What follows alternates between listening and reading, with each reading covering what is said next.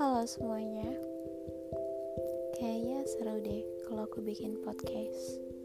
Tapi podcast di sini tentang sebuah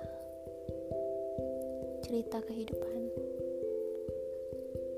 Ya, buat sharing-sharing aja sih. Um, gimana ya? Entah itu kehidupan tentang yang happy atau sedih